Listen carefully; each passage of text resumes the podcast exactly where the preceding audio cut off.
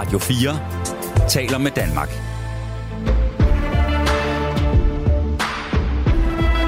Velkommen til Genau. Denn ich bin auf dem Rap-Film hängen geblieben. Sie sagen, der ist auf dem Rap-Film hängen geblieben. Aha, aha. Ich bin auf dem Rap-Film hängen geblieben. Sie sagen, er ist auf dem Rap-Film hängen geblieben. Velkommen til denne Genau sommerspecial om tysk rap, hvor vi i fem programmer dykker ned i alt det, som tysk rap har at byde på.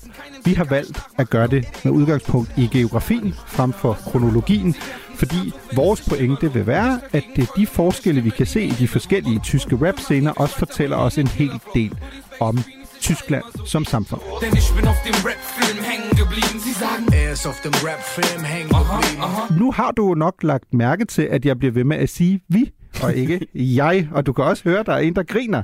Øh, Og det er jo, fordi jeg ikke kommer til at lave øh, den her sommerserie alene. Øh, Min kærlighed til tysk rap er, er ganske, ganske udpræget, men jeg bliver selvfølgelig også nødt til at sige, at jeg har jo aldrig været en del af hiphopverdenen. Heldigvis har jeg været så heldig, at jeg har fundet en i Danmark, der elsker tysk rap mindst lige så meget som mig. Glem dine kvaler og idealer? Den her flok har ikke det hele i munden Ligesom pelikaner Hvis dine damer er nede med beskidte laner Kan de blive sprøjtet på af landets dårligste graffiti-maler. Som din dame til oktoberfest. Peder er beskidt som en minkfarm i Projekt X. Ikke til jeres modræs, Tag to væser. Du går 100% Lady Gaga. Pokerfjes Folk leger hårde negle Er de som for pedikyr. Så tre jener giver problemer til de slemme fyre. Det er som en isbjørn mod et bæltedyr Så vi behandler dem som stedbørn i eventyr Siger de vil bringe det til min gadedør Det shit giver mig mere griner på en Gucci-mands tatovør Hvem står der når de sænker scenetæppet? Man skal ikke måle pik med en der kun kan købe sko på internettet Så... Pede B. Hey, goddag, goddag. Hej Pede. Fortæl mig lige, hvordan du født og opvokset København? Ja. Ja. Hvordan, når man bor så langt væk fra, fra Tyskland, hvordan øh, taber man så sit hjerte til tysk rap? Jamen, øh, jeg bliver introduceret til det ved et tilfælde. Jeg har en øh, god ven helt tilbage fra de øh, tidlige teenageår, som hedder Marco, som jeg efterfølgende har lavet en hel masse musik med i den gruppe, der hedder Cold Front, og han har også et øh, aktuelt heavyband lige nu, der hedder Redwood Hill og sådan noget. Men han er faktisk øh, født i, øh, i Tyskland, øh, lidt uden for Berlin, og kommer til Danmark som ganske lille. Og hans tyske familie bliver ved med at sende tysk hiphop til ham og præsentere det for ham, hvor han så spiller det over for mig efterfølgende. Så på en eller anden mærkelig måde giver det mig langsomt Stockholm-syndrom. Fordi jeg starter ud med at synes, det er sådan lidt mærkeligt at hiphop på tysk og sådan noget. Hvad fanden er det for noget? Men efter øh, en, en rumtid, hvor han har spillet en masse af de her, øh, typisk på det her tidspunkt, berlinsk og en lille bit smule hamburgensisk hiphop for mig, så bliver jeg fuldstændig fanget af det. Hvor svært synes du øh, var det? Fordi du, du rammer jo noget meget centralt her. Altså det er jo rap og hiphop, øh, især rap, er selvfølgelig også meget sprog, ikke? Og Jo. det bliver, det bliver svært, øh, hvis man ikke kan sproget, ikke? Altså det går til stedighed op for mig, for eksempel, der er jo vokset op øh, som teenager med både amerikansk øh, rap og tysk, at jeg jo sådan 20 år senere finder ud af, at jeg overhovedet ikke har forstået halvdelen af de tekster, øh, der var på amerikansk. Ikke? Fordi man jo bare ikke er så meget i sin sproglige udvikling, og noget af det, vi jo også kommer til at tale om i løbet af de her programmer, og især det her første program, som kommer til at handle om det tidlige Berlin, Okay.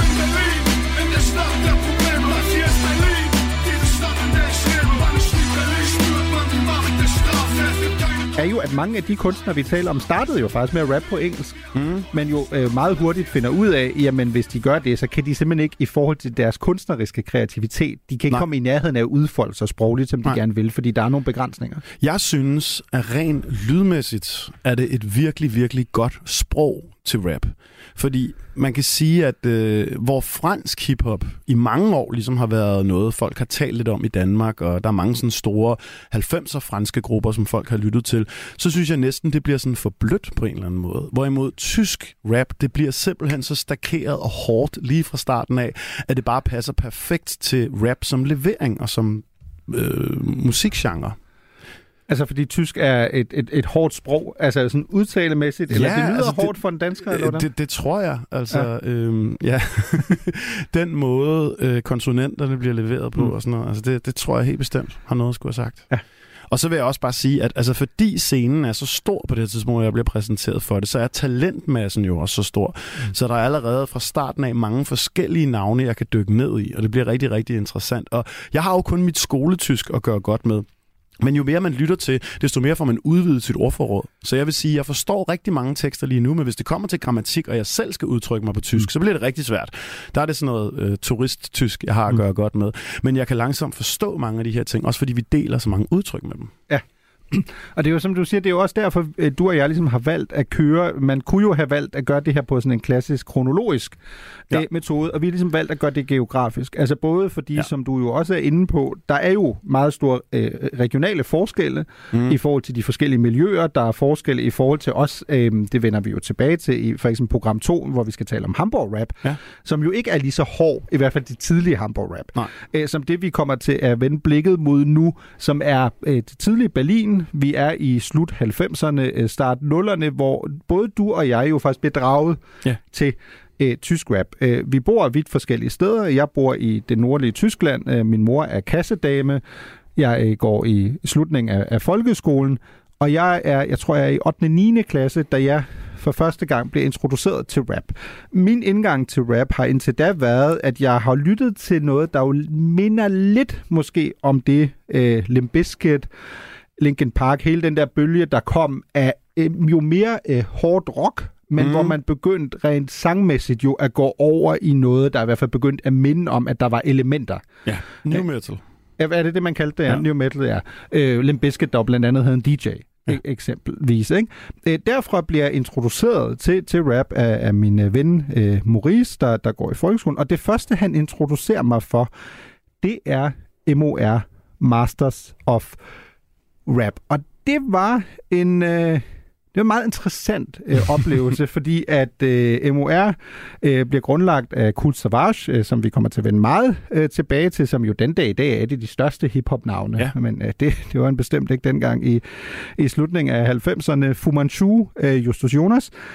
Øhm, og historien om Savage, hvis vi bare indledningsvis tager den, er jo ganske interessant, fordi Savage rejser til USA øh, i slut midten af 90'erne, og øh, tager til Los Angeles, og fordi han vil gerne møde det, som du også lige har talt om, den der her hip-hop-scene. Han vil ja. gerne være derovre, se noget West Coast. Og det, der går op for Savage på det tidspunkt, er, at øh, han hedder ikke Cool Savage nu, han kalder sig Jux, og han rapper på engelsk. Ja.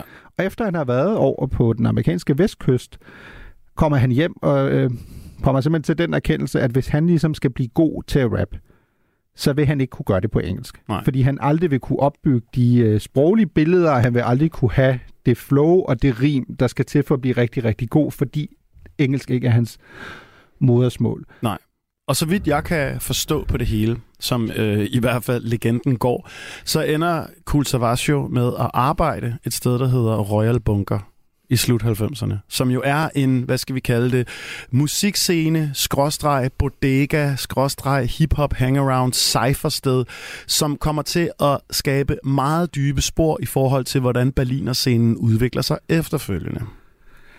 Lige præcis. Lad os prøve at lytte til noget af, af det sådan mest kendte, som uh, Cool Savage uh, og MOR laver. De uh, har et album, der kommer i 2001, som hedder NLP, Neurolinguistisches uh, Programmieren. Uh, meget, meget uh, sær, sær titel, men oh. alligevel sådan nogle...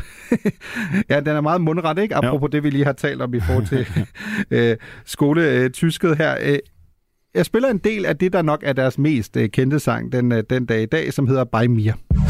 Du fühlst nicht die Vibes, du schreibst Dreck pur. Ich zerfleisch Haus mit Leichtigkeit. Rap wenn der Beat pumpt. Ich bin jung und motiviert. Step ans Mikro und du wirst frittiert. Für mich existiert, nur Rap interessiert. Uns der Rest tangiert. Kaum du bist frustriert. Deine Crew kopiert. Flows ich rekrutiert. MCs und Rap ist das Instrumental explodiert. Rap ist Leben und Spaß. Ich wein und gebe Gas. Zeppert Mike und das war's. Schick MCs in den Sarg. Du kannst nicht mehr sagen, als der Flow so panzt. Du dankst, ab ansonsten geht es gleich an den Schwanz. Ich rhyme zu fresh für alle Spuck. Geile pralle Flows für Bitches, die fronten. Wir ficken euch auch in jedem Falle. MOR, wir sind legendär. Für dich ist begreiflich schwer. Step ans Mikro und ich walze deine Homies platt. Du kriegst die Mörderbeats, Mörderflows.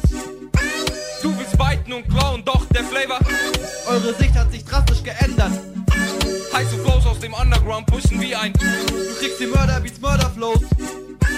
Du willst fighten und klauen, doch der Flavor. Eure Sicht hat sich drastisch geändert. Heiße Flows aus dem Underground pushen wie ein. Ja, mildest talt jo... Øhm, hvordan skal man formulere det? Jeg tror, hvis man har fulgt øh, særligt Savage, Ja. så er det ikke sådan, at man lytter til det her øh, Kool Savage, som jo i dag er et af de allerstørste tyske øh, øh, rapnavne, levende legende, øh, tror jeg godt, man kan kalde ham. Det er jo ikke helt fjernt. Men man kan godt høre, at det er lidt andre tider. Både Ja. i forhold til, det ved du selvfølgelig meget mere men jeg tænker, man godt kan fornemme, at øh, produktionsbudgettet har måske ikke været Helt bestemt. i, i toppen. Det er en tidlig Akai-sampler, der har lavet det der beat, kan man høre. Det er ikke øh, de, de, hårde, de, de største produktionsomkostninger. Jeg synes, noget af det, der er rigtig interessant ved at høre det her, som faktisk kommer lidt før jeg begynder at høre tysk hiphop, mm. Det er jo, det fortæller en hel masse omkring, hvor den tyske folkesjæl er henne på det her tidspunkt. Fordi jeg kan jo mærke, at tyskere har en øh, meget, meget vanskeligt ved at tale om for eksempel kontroversielle ting omkring 2. verdenskrig. Og at det på det her tidspunkt var meget, meget svært for tyskere overhovedet at gøre grin med de her ting. Men så kommer der sådan nogle rappere, som jo i bund og grund, hvad, hvad skal man sige, nærmest ikke ville kunne tillade sig at være nazister i og med de her tyrkiske rødder og sådan noget, og laver punchlines om, at jeg er lederen, ligesom Hitler og sådan nogle ting. Mm. Og det bliver enormt udskældt, men jeg synes også, det viser et, øh, et skift i, at man kan tillade sig at gøre grin med sådan nogle ting, og der måske kommer lidt mere ja, af mangel på bedre over ytringsfrihed i forhold til det her på det tidspunkt. Ikke? Jo, og så alligevel ikke, fordi at noget, der jo også øh, kendetegner ikke så meget MOR her i, i 2001, men jo øh, i hvert fald den tidlige Berlin-scene i slut 90'erne, start 0'erne, er jo i høj grad også, at musikken, som du siger, er jo enormt kontroversiel. Ja, ja. Altså, den er Det er kun at kontroversiel. provokere, ikke? Ja, Og præcis. meget Eminem-inspireret faktisk, hvis man både kigger på produktionen og på, og på de emner, de tager op og sådan noget. Ikke? Nå ja, det har jeg faktisk aldrig tænkt over. Men det, Ja. ja. ja, okay. Ja, det synes jeg især Sido og sådan nogle, som vi kommer til at tale om senere. Ja. Det er meget interessant. Altså, fordi Kool Savage, øh, som jo er den dag i dag den eneste af de her tre øh, grundlægger medlemmer af MOR, som man kender. Altså, man skal være ret, som du siger, ret nørdet for at vide, hvem Justus Jonas er, for eksempel. Ikke? Øhm, Savage har jo virkelig i starten et, et, et ry for at være... Det skifter mellem, at han er battle rapper Ja. og porno rapper, ikke? Jo. Øhm, battle rapper, den del kan vi jo godt høre her, ikke? Jo. At, øh, vil du prøve at forklare øh, vores måske ikke så hiphop-affine øh, lytter, battle rap, hvad, hvad går det ud på? Altså battle rap i den her sammenhæng vil jo helt klart bare betyde, at du hvad skal vi sige, drager inspiration fra at stå i rap battles. Altså rap battles vil jo typisk betyde, at to personer står over for hinanden, og så sviner de hinanden til, indtil der bliver udråbt en vinder. Men når man bare taler om battle rap sådan generelt, så er det jo oftest bare, at du står på et nummer og forsøger at vise så skarpe lyriske evner, som du overhovedet kan have. I forhold til punchline, i forhold til dobbeltrim, i forhold til flow og alt sådan noget. Bare prøver at imponere ved hjælp af det, du står og laver på nummeret. Og det er helt klart, at Kool Savas, han er en rappers rapper på det her tidspunkt, og han gerne bare vil prøve at levere et så højt teknisk niveau som overhovedet muligt. Men samtidig, som vi talte om lige før, så har han jo også en, hvad skal vi sige, tendens til at provokere hele tiden og prøve at sige noget, der er så kontroversielt, at det måske giver genlyd. Noget, som jeg kan genkende meget klart fra min tid i battle rap-miljøet i Danmark, hvor det jo også bare var om at sige det mest obskure shit, man overhovedet kunne finde på. Ikke? Det, det leder mig jo til sådan et, jeg tror, som bliver et meget gennemgående spørgsmål. Jo. Nemlig lige præcis den her, noget af det, når man som mig mere er fan af, af, af hiphop, men jo særligt af rap, det er jo spørgsmålet om autenticitet. Ja. Altså, hvor real er du? Hvor, hvor vigtigt er det i forhold til det her? Altså, hvis du for eksempel laver battle rap, hvor vigtigt er det, at det du du rapper om, at det skal spejle, afspejle sig i, i din virkelighed, og hvor Jeg meget tror- er der sådan hmm. Kunstnerisk frihed? Det er et rigtig godt spørgsmål. Øh, jeg tror, at hvis du som rapper stiller dig frem og laver et nummer, der handler om dit liv og din hverdag og sådan noget, så må det meget gerne have øh, virkelig klar rod i virkeligheden. Men hvis du laver battle rap, hvor du bare snakker om, hvordan du tæver dine modstandere og sådan nogle ting, så er det jo klart, at det ikke er noget, du går ud og laver, går jeg ud fra til hverdag. Mm. Altså, så du rapper om det her med, at du slår andre rappere til blods med en mikrofon og sådan noget, så er det eskapisme frem for relaterbarhed, som du prøver at levere på det her tidspunkt, ikke? Det er meget sjovt, at du, du bliver ved med at vende tilbage til, til det begreb eskapisme, fordi et af mit første sådan, møder med, hvor man skal forklare, at man begynder at lytte til rap, det er, da jeg lytter meget til Savage øh, der i, i starten. Øh, og Savage har jo især i starten, ud over øh, MOR, øh, begynder han jo så småt at gå solo, og meget af det, som Savage blev kendt for i starten af nullerne, er jo lige præcis det, som er enormt grænseoverskridende. Ikke? Ja. Vi kan lige prøve at høre en bid øh, fra en af de mest øh, kendte sange, han har, LMS, som øh, betyder Lutsch mein Schwanz. Øh, og jeg, jeg er ked af at sige det så direkte, men det kommer vi ikke udenom. Det betyder. Sut min pik. Ja, det er rigtigt.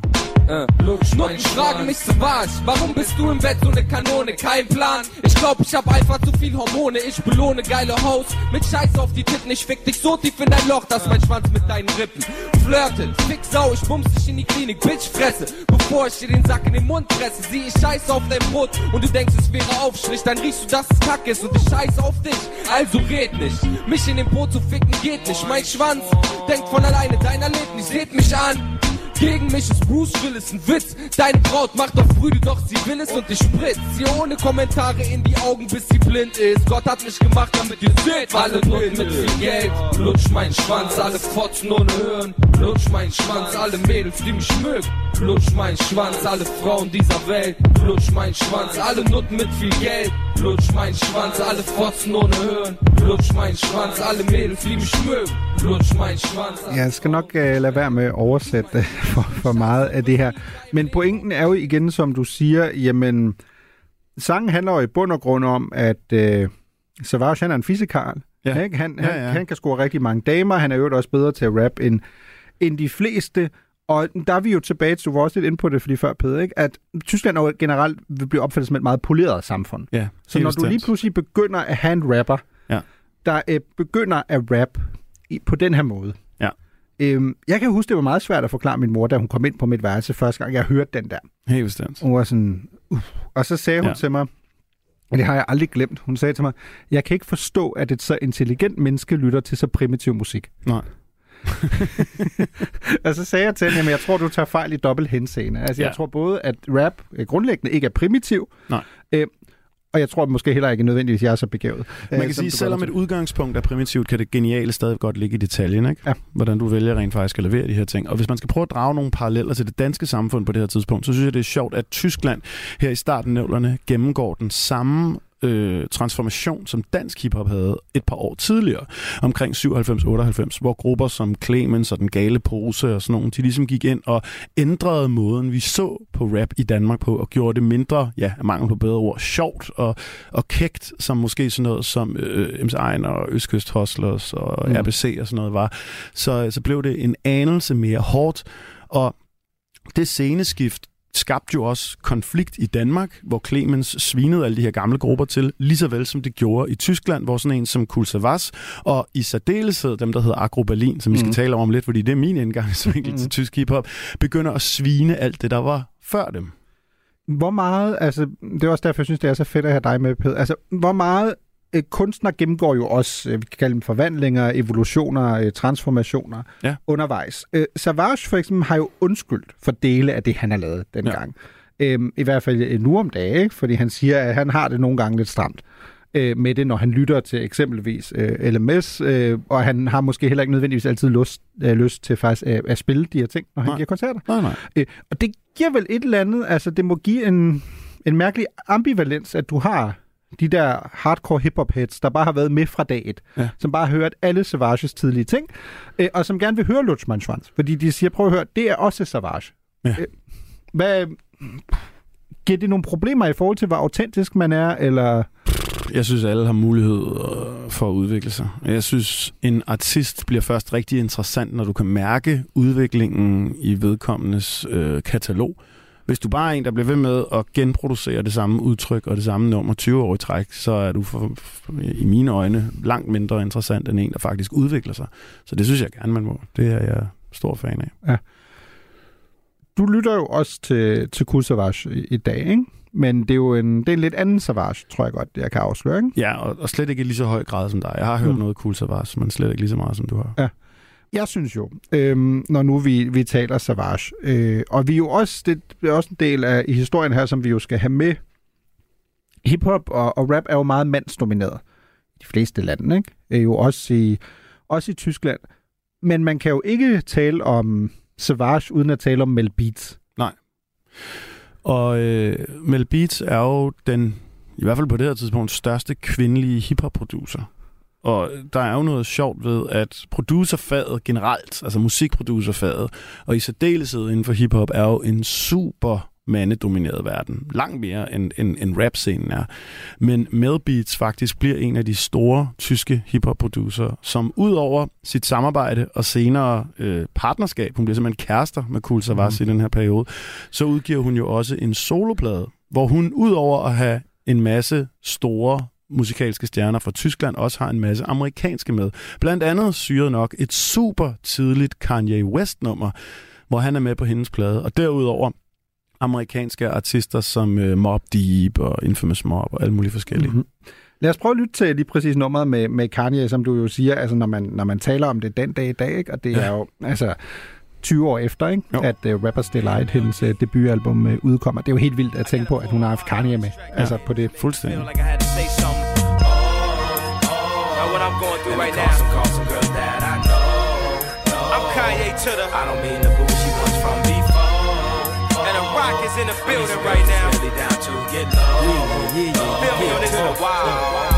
Now my man Benzino got a Benz and they call him Benzino. When I get my Bentley, they gon' call me Bentlino. A lot of shit changed since I hooked with Jay Z, yo. For the track charge around 800 Cino. I'm so glad I ain't take the job at Home Depot. Right now my car at home a beat repo. I broke up with my girl today around three, yo. My man said, let's call some girls that we know. Sometimes I wanna say fuck my bitch, but I don't want nobody to fuck my bitch. Even if a modeling chick suck my dick, it wouldn't make me not feel so sick. Just because they came over to cheer me up, smoke, drank, and yeah, we fuck. But nothing that they did could have been enough. Oh, oh, oh. Let me call some, call some girls that I know.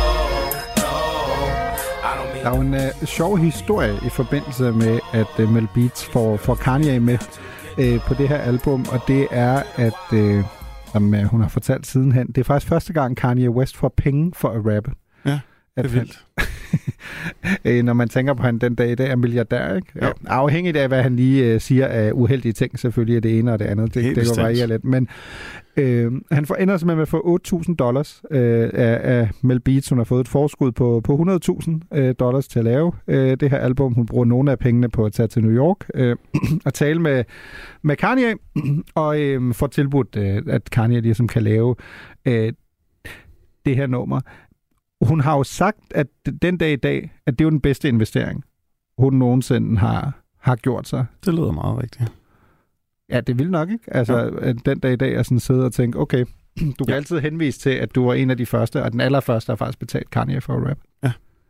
Vildt, vildt, vildt, vildt. I øvrigt, der er jo en masse andre. Altså, jeg synes jo stadig, det er et virkelig, virkelig fedt album den dag i dag. Altså, Old Dirty Bastard. Er Det er rigtigt, ja. Han er også med på Han er, det. han er også med på det, ikke? Ganske få år, for han dør jo. See you in the club, hit you on the floor dancing, and leave your brains on the back of a white shirt while they playing some old school shit while alert. I'm not gonna stop till I'm under the dirt. If y'all want war, let's get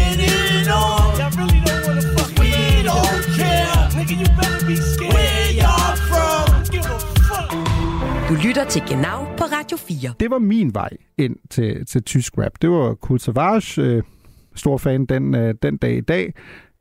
Din vej førte jo også til Berlin, PDB, men ja. Den øh, førte jo af lidt andre veje end, øh, end Cool Savage. Ja, jeg blev ret stor fan af den bevægelse i tysk hiphop, der man kan kalde Agro Berlin, som jo er navnet på et pladeselskab, der eksisterede fra 2001 til 2009.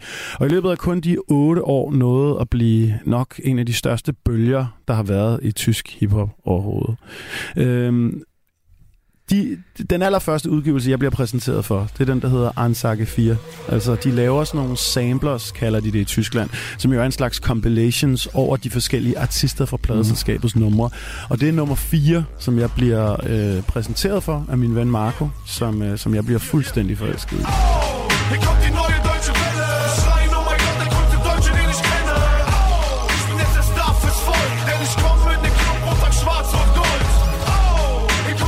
Før det her, der har Agro Berlin opnået kæmpestor succes. Først med at signe den gruppe, der hedder Alles des Dissekte.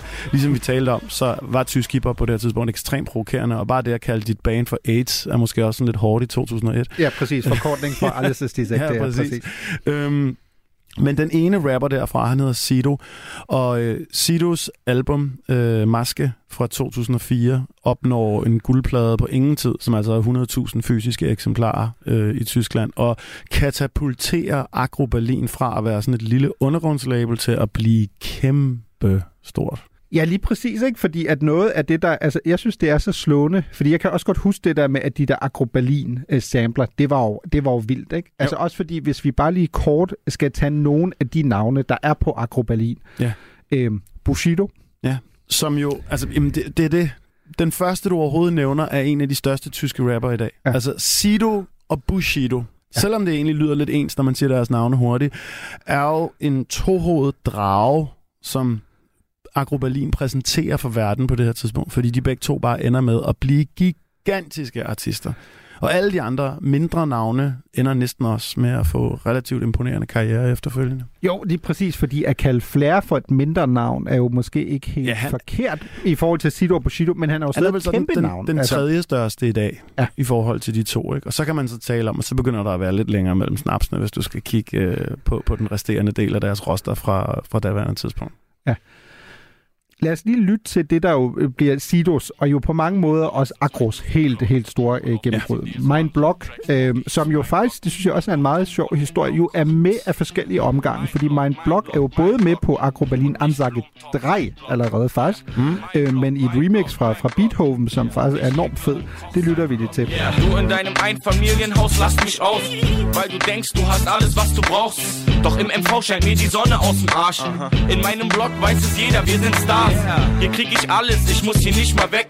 Hier hab ich Drogen, Freunde und Sex. Die Bullen können kommen, doch jeder weiß Bescheid. Aber keiner hat was gesehen, also können sie wieder gehen. Okay, ich muss gestehen, hier ist es dreckig wie eine Nutte. Doch ich weiß, das wird schon wieder mit ein bisschen Spucke. Mein schöner weißer Plattenbau wird langsam grau drauf geschissen. Ich werd auch alt und grau im MV. Meine Stadt, mein Bezirk, mein Viertel, meine Gegend, meine Straße, mein Zuhause, mein Block. Meine Gedanken, mein Herz, mein Leben, meine Welt reicht vom ersten bis zum 16. Stock. Det, det er så altså, at lytte til i, i dag, øh, 20 år senere. Altså det ene er, jeg kan den stadig uden, uden fuldstændig. Okay. Øhm, altså, fordi jeg bare kan huske, hvor meget man hørte det. Og jeg synes, det der i hvert fald for mig var så slående, jeg ved ikke, om du havde det på samme måde, Pede, var, at Sido beskriver jo en virkelighed, som man typisk ikke har beskrevet. Han Nej. beskriver jo en ikke så pæn del af det tyske samfund, hvor man ja. Bor i sådan højhuse, Plattenbau, som man vil kalde ja. Den på tysk, nogle virkelig ikke sådan særlig pæne øh, områder. Beskriver jo meget detaljeret i min blog. Så på den ene etage bor der ham den ene, og øh, han er sådan en udsmider type på natklub, og så videre. Det er et skarpskåret koncept, det her med, at når nu beskriver jeg den boligblok, jeg bor i, uden det her øh, MV-kvarter, der ligger lidt uden for Berlin. Ja. Det her med, at øh, når man på den her etage, der kan du altså købe stoffer. På den her etage, der er der luder. og På den her etage, der er der sådan noget. Det er, en, det er et greb, jeg ikke har hørt tidligere i hvert fald. Og på ja. den måde bliver meget unikt som nummer, synes jeg. Ja. Det er egentlig sjovt, altså, at du siger, at, at du ikke har hørt det tidligere, fordi man jo tænker, at det burde være... Øh, nu skal jeg ikke sige nemt, fordi det, det er det jo ikke, men, men mere for øh, det, jeg prøver at sige med det, er, at, at beskrive den virkelighed, man lever i, Ja, er vel egentlig et bestemt. meget naturligt greb. Ja, ja, helt bestemt. Men det her er jo stadigvæk en, et ret, en ret skarpskåret format for at skrive et nummer, Mm. mm. ikke? synes Ja. jeg. Jo, og så også selvfølgelig, for at du siger, altså hvis, hvis, hvis det skal batte, så skal det jo helst være noget på spil, ikke? Altså fordi hvis du beskriver din virkelighed, og det, den er i kartoffelrækkerne, Mm. øh, og du taler om, at du læser weekendavisen, altså så det kan godt være, at, det- at det, det ikke rammer altså folk, der er fuldstændig afmonteret fra den virkelighed, sådan en som mig. Altså, jeg kan jo ikke relatere til det. Nej, nej. Jeg bliver jo mere fascineret af det. Jamen præcis. Altså, og, øhm, jeg synes jo langt hen ad vejen, at hiphop og rap, og måske al musik generelt, handler om to forskellige spor, nemlig relaterbarhed og eskapisme. Og relaterbarheden er jo klart i højsædet, når du kan forstå, ved, hvad vedkommende beskriver, selvom det ikke nødvendigvis er noget, du lever i til hverdag, fordi du kan ligesom forstå det. Og så selvfølgelig den eskapistiske del af det, når det bliver beskrevet noget, som bare er super interessant. Og det, der er så fedt ved tysk hiphop, i det hele taget, er jo også bare det her med, at når scenen er så meget tættere på os, så bliver det lettere at relatere til. Jeg synes jo, at gangsterrap for eksempel fra USA er super fedt, men samtidig er det sådan lidt næsten en film for mig. Fordi hvis der står en på en gade i Brooklyn eller i en forstad i Los Angeles og rapper om, hvor vildt et hood det er vedkommende er i, så har jeg meget svært ved at relatere til det. En, der står i, i Compton med en særlig farve bandana på og laver en særlig gangsterdans. Det, det, jeg har fået at vide, det er farligt, men hvis jeg skal være helt ærlig, så er det jo egentlig ikke specielt farligt ud. Hvis jeg derimod ser en berlinsk øh, plattebag forstad, hvor der står folk med gigant gigantiske ar i ansigtet og, og, og knogjern på, så, så ved jeg ikke, så, så synes jeg måske, at det virker endnu mere skræmmende på den der sådan lidt filmiske måde, som gangsterrap godt kan være en gang imellem. Jo, fordi hvis vi skal, hvis vi lige kort skal tage historien om, om Sido her også, øhm, han hedder jo ikke Sido øh, normalt, øh, han hedder Paul, øh, som han mm. jo også øh, siden han kommer til at tale meget om. Øh, faktisk øh, Paul Hartmut Würdig. Øh, ja. Hartmut er også et, øh, et herligt øh, mellemnavn i, i den sammenhæng. Det tror jeg ikke, han havde fået meget gadekritik for øh, at, at, køre. Øh, men som jo lige præcis altså, er, er øh, vokser op alene med sin mor ikke? Og, en, og en yngre søster i, øh, i den østlige del af Berlin, altså dengang der Berlin stadig er delt. Ja. Øh, så flytter til Vestberlin, øh, bor faktisk i, i en kortere tid øh, sammen med, med nogle folk, der har søgt om asyl, øh, og så efter de har været i Lübeck i, i en kortere tid, så flytter de så til Vestberlin, og lige præcis i det, der kaldes Mærkische Viertel, MV, som, ja. øh, som Sido jo Og da han starter sin karriere i Agro Berlin, så har han jo den her maske på, som mm. jo hele tiden er en, et slags, forestil dig et, et dødningehoved, og så hvor toppen af det er en gammeldags mikrofon.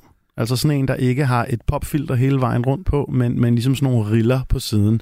Og den ret ikoniske maske starter han jo ud med at være iført hele tiden. Og det handler jo også om, som vi talte om tidligere, at hiphop i Tyskland på det her tidspunkt er meget provokerende. Så det er måske næsten lettere at være sådan lidt maskeret, når man kommer med alle de her sange, der handler om alle mulige gangsterting og, og, og, og sex og pick og patter, og jeg skal give dig skal øhm, og, og det er jo måske det, jeg også synes er så interessant ved Sido, at her 20 år senere, så kan du mærke hans udvikling som artist. Fordi den her plade, der udkommer i 2004, som gør, at Agro Berlin bliver en gigantisk ting i tysk musik, det er jo et album, der hedder Maske. Mm. Og da han så i 2019 udgiver et album, der hedder Ich und keine Maske, fordi han jo han tidligere har lavet noget, der hedder Ich und meine Maske, så hedder det her Ich und keine Maske, så er det jo, ja, af mange på bedre ord, et maskefald, der sker, og han begynder at være sig selv på alle de her numre. Og som vi for eksempel kan høre på en af numrene fra den plade, der hedder Vi Papa, så omskriver han jo faktisk omkvædet fra Mind Block til at handle om, hvordan hans hverdag er i dag, som i musikvideoen er ledsaget af nogle ret stærke billeder, hvor en gruppe børn, der også er iført denne her øh, dødningehovedmaske, de står med en øh, skyline-tegning af det her MV-kvarter, og så åbner de ligesom dørene ind til det, og så er det ham, der står der alene, for ligesom at måske at vise kontrasten fra, at han i 2004 rappede om det her kvarter, der godt nok var ret slidt og ret dårligt og ret kriminelt og sådan noget, men hvor han måske beskrev en samhørighed og et... Øh, og et miljø, som han var en del af, hvorimod han nu måske føler sig langt mere isoleret i den fame, han ligesom har fået. Og jeg synes, det er stærkt, når du kan mærke den her udvikling hos artister. Lad os prøve at lytte til lige præcis den der del, ja. hvor han... Hvor Vi han, Papa. Vi Papa, præcis. Meine Stadt, mein Zuhause, mein Viertel, meine Gegend, mein Palast. Meine Jungs, die Familie, die Leute, die ich liebe, alle satt. Ich könnte mich zur Ruhe setzen und einfach genießen als ein Mann, der alles hat. Doch ich muss weitermachen, denn die Modus Mio Playlist geht mir auf den Sack. Und ich kenne einfach kein Ende, keine klare Grenze. Ich mach so wie ich denke, gebe Gas, auch wenn ich bremse, pack den Wagen vorm Wempe. Ich spar nicht für die Rente, will 22 Knaben, die mich tragen auf ner Sänfte. Mann, ich bin wieder auf Sendung. Hol dir Popcorn und Getränke, ich geb wieder ein zum Besten und ihr klopft euch auf die Schenkel. Deine Eltern, deine Freunde, die Cousins und deren Enkel, diese Hipster und die Gangster, meine Fans, sie alle nennen mich Legende. Maskefald er jo faktisk et utroligt rammende altså, billede på det, der sker. Ikke? Altså både helt lavpraktisk. Øh, jeg tydeligt husk dengang, at, at fascinationen ved Sido var i høj grad masken. Mm. Altså selvfølgelig også det, han rappede om. Ja. Men den der sådan valget af at bruge en maske. Ja, og på, øh, og på øh, Maske-albummet fra 2004 er der et nummer på, der hedder Mamma er stolt, mm. hvor i videoen ser du et billede af ham uden masken på. Og det var sådan noget, hvor folk de sad på nettet og pausede den der, så de kunne se, hvordan han så ud. Ja. det skabte jo en, en myte omkring ham som person, som var super interessant. Ikke? Og også på en eller anden måde var sjov, fordi den lå i kontrast til nogle af de andre artister på Agro Berlin. Fordi Bushido, som jo kun når at udgive to projekter på Agro Berlin, en fællesplade med flere, der hedder Carlo Cooks Nutten, og et album, der hedder From Borderline to Skyline, øh, som jo er langt mere rendyrket gangsterrap. Altså hvor der ikke er noget, der er for sjov, og du har en maske på og sådan noget. Hvor det bare er ham, stor, vred, øh, øh, tuneser med tatoveringer på halsen, der ser rasende ud hele tiden. Ikke? Ja, præcis. Og lad os, lad os, lad os tage Bushido lige om lidt. Jeg, jeg tænker, det der også altså gør for eksempel, at når, når jeg lytter, jeg tror det er jo også, øh, vi har jo begge to børn, altså det der, det, det, det bliver jo også stærkt, fordi nu er vi tilbage til relaterbar, ikke? Jo, altså det, bestemt. det, det er sårbarhed lige pludselig, Lige fordi, præcis. fordi historien om Sido jo også er øh, storhed og fald. Stofmisbrug, Præcis. Altså, skilsmisse, skilsmisse, ikke? øh, Øhm, afvendingsklinikker, ja. alt sådan noget. Ikke? Øh, apropos jo, altså så sent som i 22, ikke? Øh, afvænding, øh, hvem er det, der hjælper ham der? Kul Savage, øh, som jo i mellemtid er blevet en af hans rigtig, rigtig øh, tætte venner. Øh, de laver et album sammen, Royal Bunker, Ja. som jo er fuld circle i forhold til det, vi talte om i starten, ikke? Altså den her café, øh, til at starte med café tid, senere jo et, et, et sted, hvor undergrundsrapper i Berlin kom, øh, Ja. ja. går ind og ud, møder hinanden, øh, som så lukker igen, øh, bliver kortvarigt også et musiklabel, og så bum, så kommer Savage og, og Sido, og på en eller anden måde... Og Agro forbinder- Berlin. Ja, lige præcis. Altså det hele hænger jo sammen, mm. ikke? Øh, fordi man jo bare færdes i, i de samme kredse. Men så lad os tale om Bushido. Ja. Øhm, igen, man kan diskutere, hvem er, hvem er sådan den, den, den større af de to, Sido og, og Bushido, men som du også allerede har været inde på, øh, stilistisk er der jo øh, en forskel. Ja. Der er jo også øh, rent, øh, rent, altså, rent optisk en meget stor Ja. øh, forskel. Ikke? Øh, Sido er, er tysk, det er Bushido også, men Bushidos øh, far er tunesier. Øhm, og det fylder jo faktisk også en del i forhold til det, vi kommer til at tale om, i, i hvert fald nu om dagen. Man kan ikke tale om Bushido uden om nogle øh, lidt, lidt lyssky forbindelser. Men lad os prøve at gå tilbage til, da Bushido brænder igennem. Vi er stadig ja. i, i nullerne, øh, og som du siger, han har to øh, sådan store øh, sådan albums øh, et sted under Agro. Historien går jo på, at han øh, ender i noget øh, lidt øh, mærkeligt jobcenter-agtigt job, øh, sammen med ham, der hedder Patrick Lusinski, som senere øh, tager navnet Flair som viser ham graffiti-miljøet og hiphop-miljøet i Tyskland. Flair er et par år yngre end ham. Øh, og de laver sammen gruppen Carlo Cox Nutten. Øhm, Ja, lad os prøve at høre en bid derfra. Ja. Øh, det er jo også igen for mig, at det jo går fuldstændig tilbage i tid, men jeg tror, man skal også bare høre noget af for at forstå. Altså, hvor er vi henne? Altså, Ja. hvad er det for noget? Og Helt det er, bestemt. det er hårdt. Du machst auf hart, doch du bist in Wahrheit nur ein Punker. Wir sind am Mike und wir scheißen auf deine Mama. Es ist Frank White, Sonny Black und du bist ne Schwuchtel. Rap macht uns reich und deine Welt wird plötzlich dunkel. Geht's vielleicht jetzt um Gangster Frank White? Huren und verpiss dich, denn die Banger sind am Mike scheiß. Auf dich, dein Vater, deine Mutter, deine Kinder fick ich alle. Du willst Stress, dann kommt Unterspaß.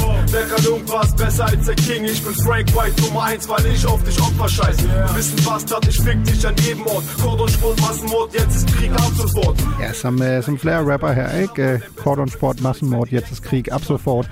Altså, det er jo lige præcis deres mindset. Deres mindset er jo, det er jo også battle rap, ikke? Altså, Ja. det er... Øhm, det er brutalt. ja. Øh, og en meget interessant jo, jo duo, ikke? Øh, Bushido og Flair, som du siger, er jo meget forskellige øh, øh, baggrunde. Øh, Bushido, som sagt, faren tunesier, som han aldrig møder, øh, lever alene med sin mor, øh, kommer så, som du siger, igennem et, et jobcenterforløb, og, og lige pludselig møder han Flair, og så begynder ja. de to at lave musik sammen.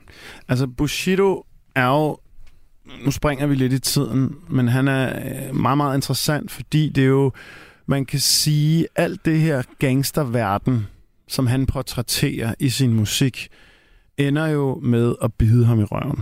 Mm. Altså, det bliver hans egen nemesis hen ad vejen, fordi, ja, altså, vi, vi, vi kan jo lige så godt tale om, at øhm, han laver, når kun at lave et reelt soloalbum på Agro Berlin, før han ligesom bliver uvenner med de her folk. Og det er svært at komme ud af en pladekontrakt, og han får nogle nye venner, som lynhurtigt kan få ham ud af den her pladekontrakt. Der findes nogle forskellige, sådan går historien i hvert fald, øh, libanesiske storfamilier i Berlin, som er lidt sådan en, ja, der er nogle forskellige øh, sociopolitiske grunde til, hvorfor libanesiske familier bliver en ting i, i, i Tyskland. Øhm, men en form for mafia. Og en af de store karakterer inden for den her verden, det er Abu Shaka-familien, hvor deres leder af en, der hedder Arafat. Og øhm, han får på en eller anden måde, ja, guderne ved nok, hvordan overtalt Agro Berlin til, at øh, Bushido ikke skal lave mere musik hos dem. Og øh, danner sammen med Bushido et nyt pladeselskab, der hedder Erskuta Junge. Og det kører jo også fint i en hel del år, indtil at Bushido jo så til sidst faktisk også bliver uvenner med Abu Shaka-klaren. Og øh, nu bor i Dubai et hemmeligt sted. Og, øh, og ender med, ja faktisk, at, at vidne imod den her familie. Øhm, og øh, ja, en, en, en ret sindssyg historie egentlig, som, som går på, at Arafats lillebror sidder i et dansk fængsel, kommer ud af fængslet, vender tilbage til Berlin, bliver uvenner med Bushido, øhm, som så gør, at Bushido ønsker at trække sig fra den her familie. Han får nys om, at den her øh, gangstergruppering har planer om at, ja, det lyder voldsomt, men kidnappe hans børn simpelthen. Og han øh, er mangel på bedre løsninger, ligesom vælger at sige, nu, nu samarbejder jeg med politiet, og øh, træder ud af hele den her verden og flytter til Dubai, hvor han jo så stadigvæk syret nok laver musik i dag, bare, øh, ja, hvad skal vi sige, distanceret enormt meget, kan man sige, fra hele den her gangsterverden, mm. som han jo så øh, portrætterede. Så øh, et meget vildt og, og, og, og voldsomt forløb at, at følge på den her måde. Ja, helt vildt. Altså, fordi som du siger, Bushido var jo på, på mange måder sådan han var også lidt gangster-rapper over dem alle, ikke? Både jo. fordi hans tekster var hårde, der var også igen, der, der lå en, en mening i sig selv i provokation. Uh, vi taler jo, stort set alle kunstnere, vi har talt om i dag, er jo kunstnere, der regelmæssigt bliver det, som tyskerne kalder indicieret, altså hvor man enten ikke kan købe albummet, eller hvor du skal være 16 eller 18, altså simpelthen fordi teksterne er så hårde. Mm. Øhm, der er det, jeg ved ikke, om man har det på samme måde i, i Danmark Pede, med at myndighederne simpelthen går ind og siger, ah, det der, det vil vi ikke sælge. Nej, det eksisterer ikke rigtigt. Nej. Øh, man kender det jo lidt fra USA, men, men Tyskland er jo også meget udbredt, øh, blandt andet øh, på grund af Øhm, det er jo sådan en, også en tilbagevendende diskussion selvfølgelig, øh, det her med homofobi, øh, kvindenedgørende. Ja, øh, men, men prøv at høre, jeg synes, det er interessant at tale om alt det her, især i forhold til Agro Berlin, fordi Agro Berlin jo lige fra starten af, fordi de laver punchlines om, at øh, folk de smider hænder i vejret ligesom Hitler, og jeg er lederen ligesom A og sådan noget, mm. så blev de jo faktisk øh, anklaget for at være skinheads og nazister helt tilbage dengang, hvilket ikke rigtig giver specielt meget mening, når man tænker på, at næsten alle karaktererne inden for det. Nu nævnte du før, at Sido han er tysk afstamning. I virkeligheden er han jo faktisk af Roma-afstamning. Mm. Øhm, Bushido med, med øhm, tunesiske rødder, øh, B-Tight med afroamerikanske rødder. Det ville ikke give nogen mening, hvis de var nazister. Det var mere bare rendyrket provokation. Men folk prøver at give dem det her stempel på, på en eller anden måde, som jo måske siger noget om den tyske finfølenhed i forhold til at tale om de her ting. Jo, fuldstændig, fordi lad os lige prøve at lytte til en anden klassiker fra den tid, fordi ham, der virkelig bliver ramt af de her anklager om at være højreorienteret og øh, nazist, i hvert fald nationalist, det er jo Flair, mm. som jo faktisk er lige præcis, som du siger, måske ja. den rent dyrket. Lad os lige prøve at lytte Han til... spiller også lidt på det. Lige præcis, det gør ja. han nemlig i høj grad. Lad os uh, prøve at lytte til Neue Deutsche Welle ja. 2005. Yeah,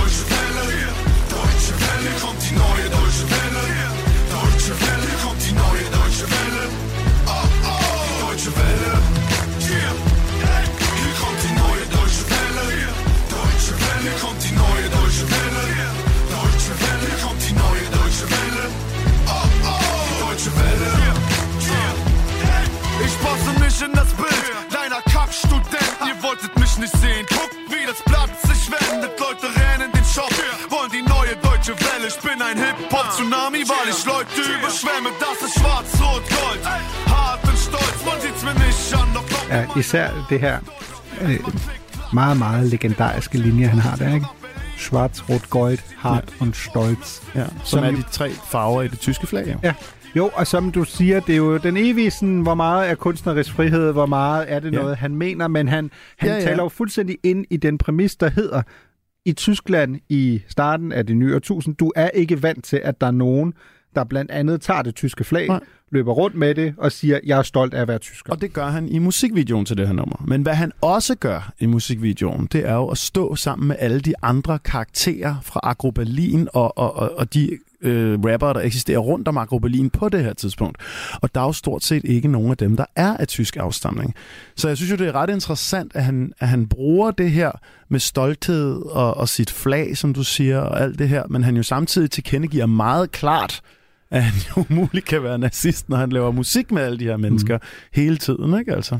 Det synes jeg er ret interessant. Jo, og så er der jo også en større fortælling her, lige præcis som du siger, som handler om, jamen det kan godt være, at nogen, han siger det jo også selv her, jamen, øh, at han angiveligt ikke ligner en tysker. Men hvordan ser en tysker ud? Præcis. Altså, tyskerne har jo haft gæstearbejder siden 50'erne, 60'erne. Mange af de kunstnere, vi taler her, hvor vi også nævner deres forældres ophav, Mm. jamen de er født og opvokset i Tyskland. Ja.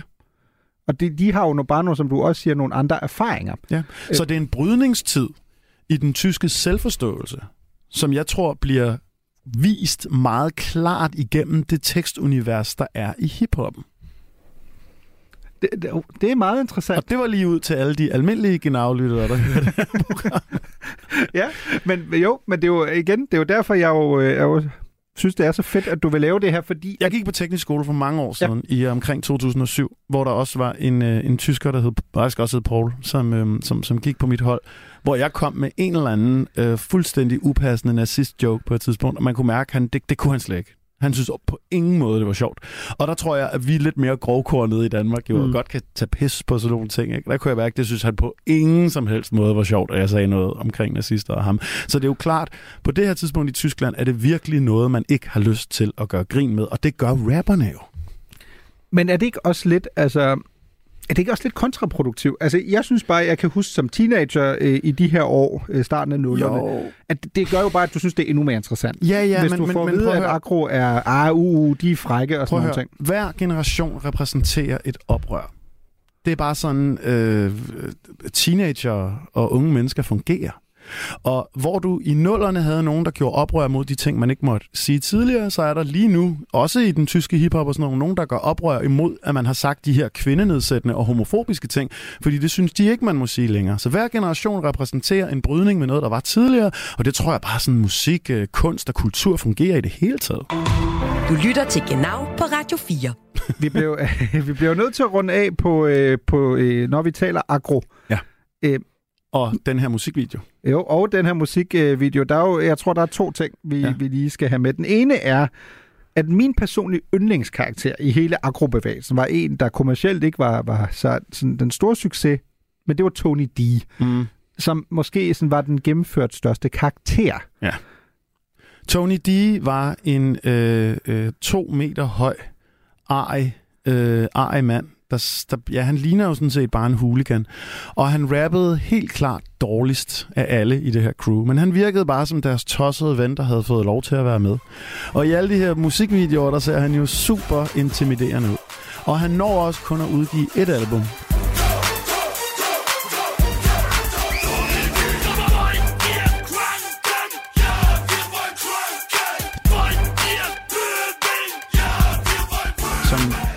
Har udtrykt for en time siden over for mig, du faktisk synes var ret underholdende. Jeg må indrømme, jeg var ikke specielt imponeret. Jeg tror, jeg har hørt det én gang eller sådan noget, så hørte jeg det aldrig nogensinde igen.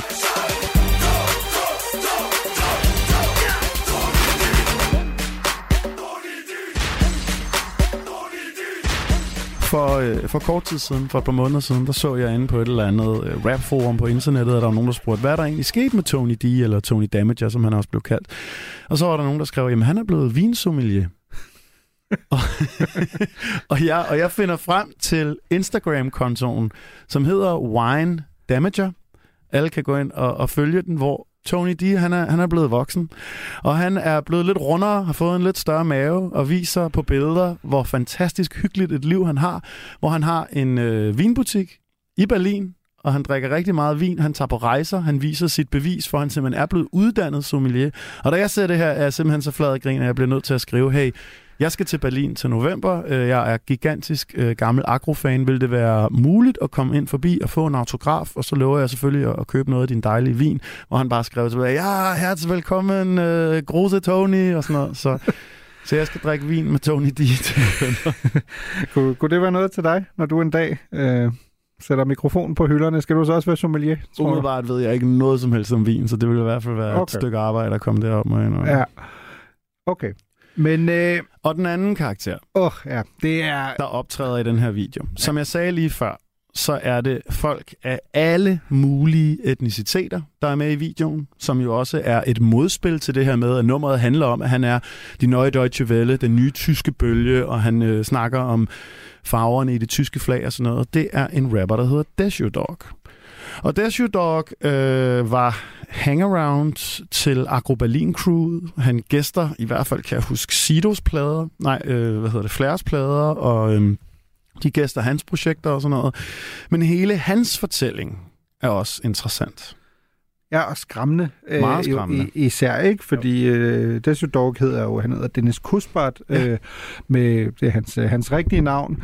Øh, og bare sådan at, at kigge på i dag, jamen øh, vi ved, han, er, han, han blev født i 1975 i, i Vestberlin, Ja. øh, og nu kommer vi jo til den allerede meget makabre del. Ja, Vi, altså, form, han... vi formoder, at han blev dræbt øh, for mere Nej. end fem år siden i Ja. Syrien, men vi... Ah, det er ikke sådan blevet Nej. bekræftet helt endnu, Altså, ikke? jeg synes, jeg synes der, er, der er mere til fortællingen. Mm. øh, som jeg kan læse mig frem til, det her det eksisterer der en hel masse artikler om, både af tyske og amerikanske medier og sådan noget. Så stopper han med at rappe omkring 2010, mm. efter han har været ude for et trafikuheld, og øh, bliver, hvad kan man sige, øh, meget mere aktiv i, øh, i forhold til islam, og øh, han er, jo, øh, han er jo muslim, ham her. Skifter navn til Abu Malek, Øhm, og der begynder, hvis man tjekker YouTube, at florere en masse videoer, hvor mm. han blandt andet er ude og sige, Nå, men, øh, hvad hedder det, hvis du har min musik på din computer, så skal du slette det, du skal holde op med at høre det her, det, der er en anden vej, du skal gå, du skal blive et bedre menneske og sådan noget. Og hvis man tjekker kommentarfeltet ind på de her videoer, så er der også flere, der fremhæver, at hvis man sætter dem op i kronologisk rækkefølge, så kan man mærke, hvordan han bliver mere og mere radikaliseret igennem den her Mm. periode. I øh, 2012, der forlader han Tyskland for at blive en del af, af de styrker i Syrien, der jo kæmper mod øh, Assad-regimet under den øh, borgerkrig, der eksisterer på det her tidspunkt. Og han vedkender sig simpelthen islamisk stat i, øh, i 2014. I 2015, der kommer han så på USA's øh, terroristliste, Mm. og øh, øh, blandt andet optræder i nogle øh, meget, meget makabre øh, videoklip med, øh, med øh, afhuggede hoveder og sådan nogle ting, Mm. mm. øh, som jeg jo selvfølgelig ikke vil, vil opfordre nogen som helst til at gå ind og søge på. Øhm, og som det ser ud på nettet, og i hvert fald øh, den officielle historie, så bliver han så dræbt i, øh, i 2018 i forbindelse med et droneangreb på en af de sidste bastioner, islamisk stat har. Og man kan jo spørge sig selv, hvorfor han som en af de eneste i de her videoer, jeg talte om lige før, øh, optræder uden maskering. Fordi Mm. normalt vil de her islamisk stat-videoer jo vise en masse maskerede folk, der ligesom gør de her forfærdelige ting. Men øh, det kan jo selvfølgelig handle om, at der er nogen tilbage i Tyskland, der er udmærket klar over, hvem Deshu Dog er. Og måske, ja, hvad ved jeg, kunne øh, PR-mæssigt nå nogle flere mennesker, hvis han var øh, en del af det. Så vanvittig historie, mm. og, øh, og også øh, et, øh, et, et skørt indspark i historien om berlinsk hiphop fra den her periode. Ja, og det giver jo øh, en af, af Desio Dogs sange, som du, du har fortalt mig, du godt kan lide at lytte til. Som Ja, hedder, det, det vel- kunne jeg jo i hvert fald dengang. Ja. Øhm, Og det, det- det må også være sådan en generelt, som du siger, enormt svær diskussion. Altså, hvor meget kan du skille øh, det kunstneriske værk øh, fra en, øh, men, hvad en øh, rapper eller mennesker så senere hen gør i livet? ja, og øh, den sang, som hedder øh, Velkommen meine Welt, handler jo bare om depression, om at have det forfærdeligt, og om øh, øh, triste, triste omstændigheder, han ligesom voksede op under.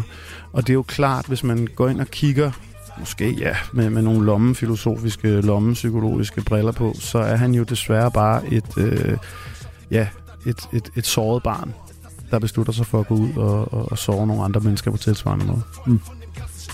Pede, lad os, øh, lad os slutte på, på Desio Dog. Ja. Velkommen, meiner ven. Auf dem Weg zur U-Bahn sehe ich das Elend der Stadt. Junkies mit toten Augen schreiben zur Hölle mit diesem Staat. Und es scheiß auf diese Welt, denn es dreht sich nur ums Geld. Jesu doch der schwarze Engel, seid willkommen in meiner Welt. Willkommen in meiner Welt voll Hass und Blut. Ich schreibe Zeit für meine Kinder und das mit Blut. In einer Welt, wo man nicht mehr weiß, was der nächste Tag bringt. Kinderseelen weinen leise, wenn der schwarze Engel singt. Willkommen in meiner Welt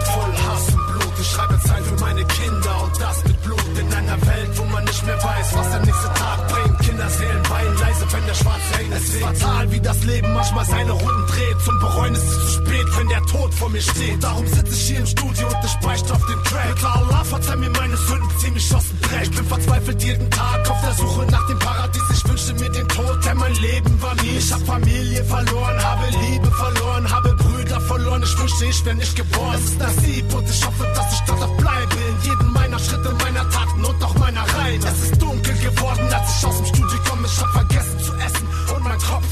Ich sehe einen sternklaren Himmel und eine Sternschnuppe fallen. Flüster leise zu Allah. Ich will nur noch Gutes tun auf meinem Weg bis ins Grab. Mit offenen Händen fall ich auf die Knie und flüster Bismillah. Willkommen in meiner Welt voll Hass und Blut. Ich schreibe Zeit für meine Kinder und das mit Blut. In einer Welt, wo man nicht mehr weiß, was der nächste Tag bringt. Kinderseelen weinen leise, wenn der schwarze Engel singt. Willkommen in meiner Welt voll Hass und Blut. Ich schreibe Zeit für meine Kinder und das mit Blut. In einer Welt, wo man nicht mehr weiß, was der nächste Tag bringt. Kinderseelen weinen leise, wenn der schwarze Engel singt.